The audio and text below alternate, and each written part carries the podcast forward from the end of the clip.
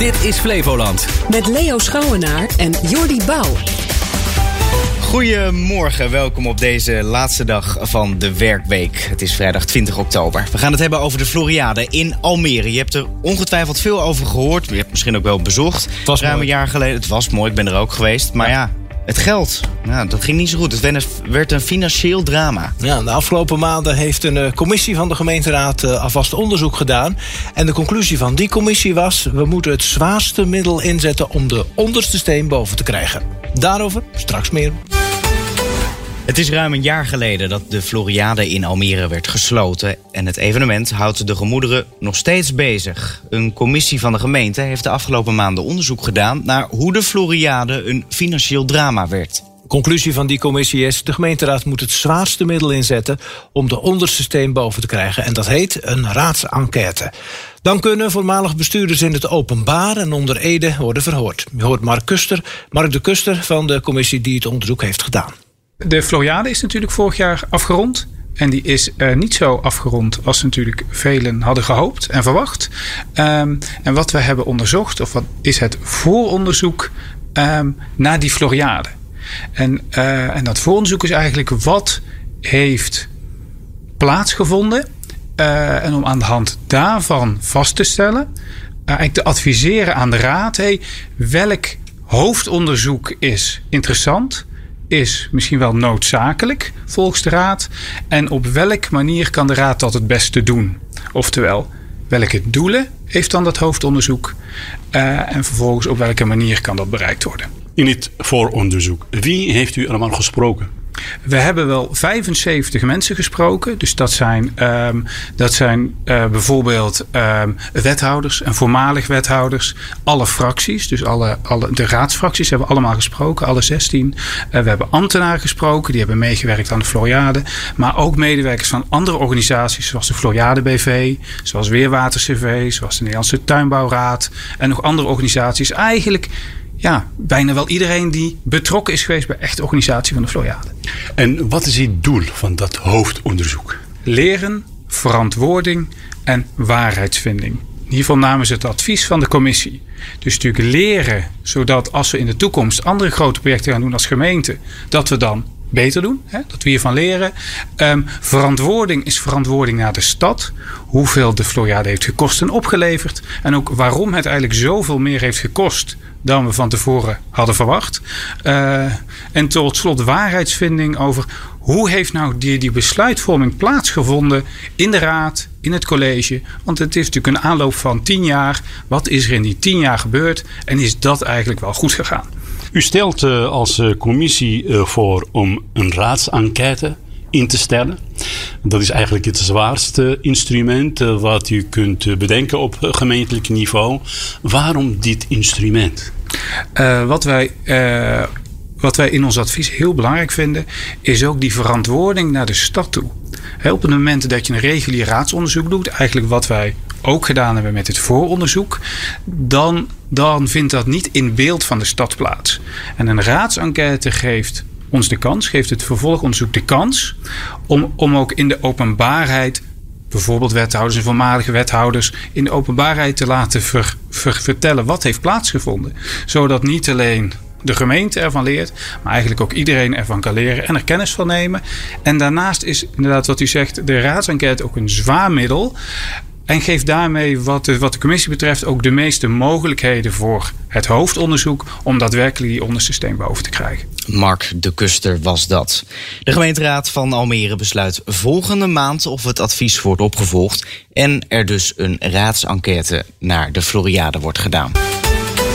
Politieke partijen in de gemeenteraad van Almere reageren wisselend op de nieuwe begroting. Die hebben burgemeester en wethouders twee weken geleden gepresenteerd. De gemeenteraad praat de komende tijd over de financiële voorstellen die het college doet over het gemeentelijk huishoudboekje van volgend jaar. Mieke Smulders van D66 bijvoorbeeld heeft gemengde gevoelens. Financieel gezien vinden we het een lastige begroting. Hij is sluitend, maar er staat nog een, een, bezuinigingsbedrag van 32 miljoen open dat ingevuld moet worden. Dat gaat in december gebeuren, daar heb ik alle vertrouwen in. Die uitdaging gaan we aan. Maar het is nog niet gebeurd, we hadden het liever eerder gezien. Mark van Rooij van 50PLUS, wat vindt u van deze begroting? Nou, ontzettend teleurstelling. uh, we gaan lenen in de plaats van sparen. Het college zegt ja, het is nodig om toch uh, groot uh, onderhoud te plegen. Ja, dat kan het college wel zeggen. Maar vier, twee jaar geleden hadden we nog een spaardoel van 58 miljoen. En nu moeten we in één keer gaan lenen. Dus mijn vraag zal ook zijn: hoe kan het dat wij plotseling aan de bedelstaf zijn geraakt? Dat is de grote vraag die Mark van Rooij van 50 Plus heeft. In de nieuwe begroting stelt het college onder meer voor om de gemeentelijke belastingen met gemiddeld 10% te verhogen.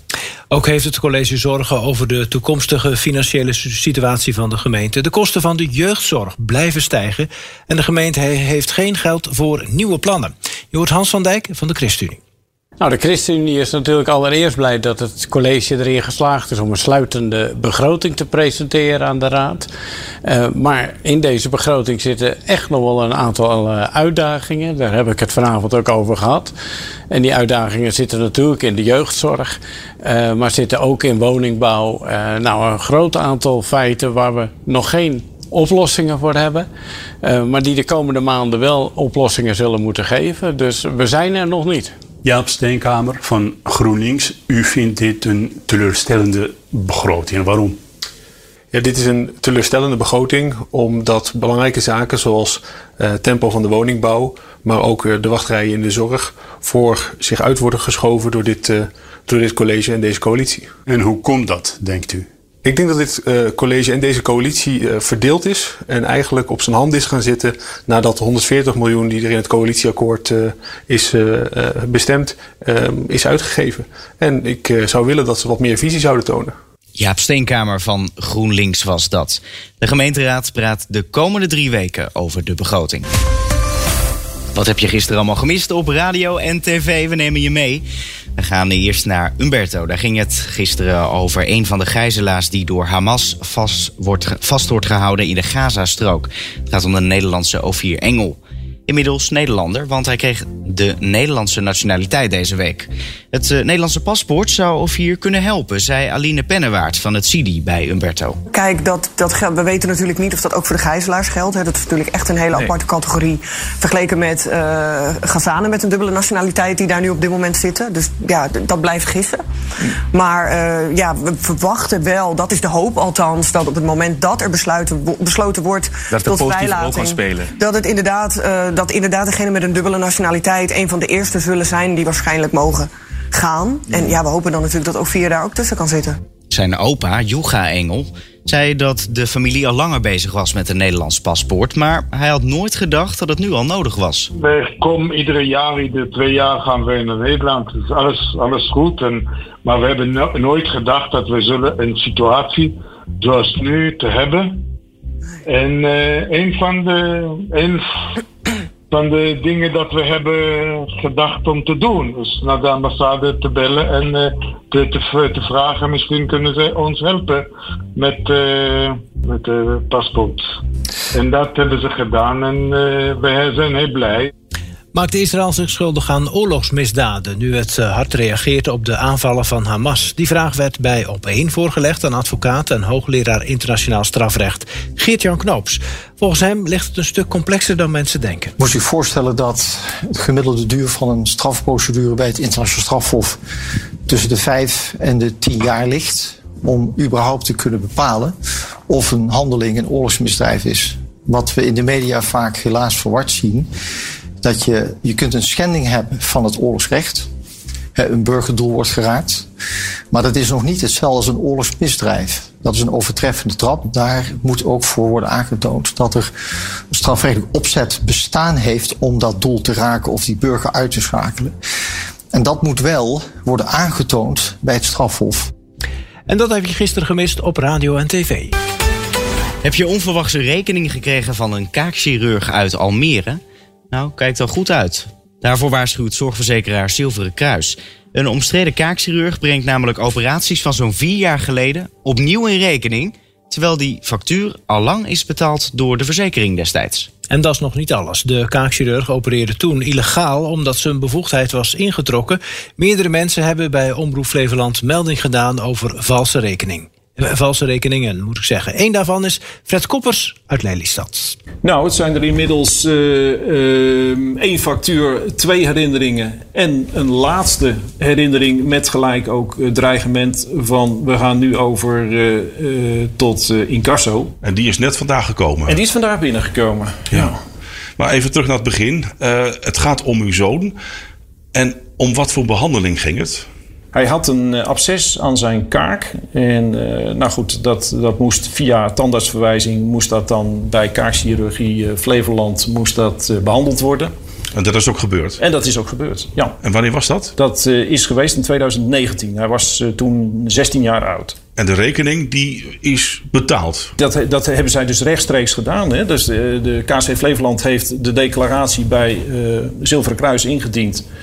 En wij hebben inmiddels ge- geverifieerd bij Zilveren Kruis. En die hebben mij bevestigd van ja, dat hebben wij betaald. En dat gaat om dezelfde behandeling dan de rekeningen die nou hier op tafel liggen? Ja, dat is, eh, mijn zoon is daar één keer geweest. En, en dus daar kan ook geen misverstand over zijn. Eh, dit, dit is het verhaal. Ehm, we zien het logo van de kaakchirurg hierop staan. Maar heeft hij deze facturen zelf verstuurd? Die indruk heb ik wel, want ehm, ehm, ja, ze, ze, ze komen namens hem binnen. En er wordt ook niet ehm, namens een andere partij eh, wordt er, wordt er, wordt er geschreven. Het is gewoon zijn factuurpapier. En ja, hij onderschrijft dat met KC Flevoland. En wat gaat u nou doen? Ik ga eh, voorlopig eh, niets doen. Want ja, ik, ik, ik hoop maar dat de, de man eh, gestopt kan worden. En dat ook eh, hij niet gaat eh, proberen om middels een deurwaarder alsnog ons lastig te vallen. Ik heb het bij de Nederlandse Zorgautoriteit vandaag ook gemeld. In de hoop dat zij ook er aandacht aan kunnen besteden. En ik zou ja, eigenlijk tegen iedereen willen zeggen: joh, trap er niet in. Laat hem lekker proberen om, om ermee te kappen met, eh, met deze flauwekul. Kort samengevat, u vertrouwt het niet? Ik vertrouw het zeker niet. Nee. Hij vertrouwt het niet, Fred Koppers uit Lelystad. Herken je dit verhaal nou? Nou, dan komen we heel graag met je in contact. De berichten van buiten Flevoland. President Biden heeft in een tv-toespraak gezegd dat het voor de Amerikaanse veiligheid van groot belang is dat Israël en Oekraïne hun oorlogen winnen. En daarom moet Amerika die landen geld blijven geven, zei hij. Biden sprak vanuit die Oval Office. Dat is een dag na zijn bezoek aan Israël. You know, history has taught us that when terrorists don't pay a price for their terror, when dictators don't pay a price for their aggression, they cause more chaos and death and more destruction. They keep going, and the cost and the threats to America and the world keep rising. Biden zou zo'n 100 miljard dollar aan steun willen geven. Daarvoor heeft hij het congres om goedkeuring gevraagd. Hij riep de Republikeinen op hun verantwoordelijkheid te nemen en te stoppen met het interne geruzie. Het geldt dus niet alleen voor Israël en Oekraïne, maar ook voor Taiwan. In Amsterdam hebben bewoners, ondernemers en sekswerkers van het Amsterdamse Wallengebied geprotesteerd tegen de plannen om de raamprostitutie naar een andere plek te brengen. De gemeente wil zo de overlast in de binnenstad terugdringen. Maar de demonstranten vinden niet dat zo'n erotisch centrum in Amsterdam Zuid of Noord de oplossing is. Hebben jullie nog onthouden, de Jel? We laten onze wallen niet verknallen! Wij weten niet beter, we zijn niet geboren. Wij zitten hier al sinds 1959, hè, mijn familie. Zoals de wallen nu zijn, zijn ze schitterend. Ze zijn schitterend. En dat moet gewoon zo blijven. Wees verdomme trots op wat je hebt. Nou. Demonstranten liepen in een optocht van het eh, Wallengebied naar het stadhuis. Is maar aan toe te voegen. En dan goed nieuws voor de fans van de Rolling Stones. Ze hebben er 18 jaar op moeten wachten, maar vannacht was het al zover. Ze konden het nieuwe album aanschaffen. Precies om middernacht gingen er 30 platenzaken in heel het land open. Deze platenzaak in Zwolle was ook open en het werd daar als een soort oud en nieuw gevierd. 5, 4, 3, 2, moet zeggen dat ik onder de indruk ben. Ik heb verschillende pareltjes gehoord. Er zijn ook wel een paar bij waarvan ik denk dat vind ik wat minder. Maar goed, dat mag dan ook van de 12. Maar er zitten toch zeker 5, 6 nummers op waarvan ik denk die hebben uh, hitpotentie, zoals dat heet.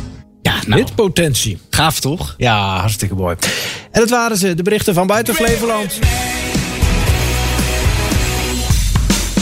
Komende zaterdag ben je weer welkom in het Weekendcafé. Omroep Flevoland en Radio Lelystad zijn live te zien en te horen vanuit de Kroonpassage in Lelystad. Praat mee over actuele zaken in jouw gemeente of luister naar interessante, bijzondere en opmerkelijke Lelystedelingen. Het Weekendcafé, elke zaterdagochtend tussen 10 en 12.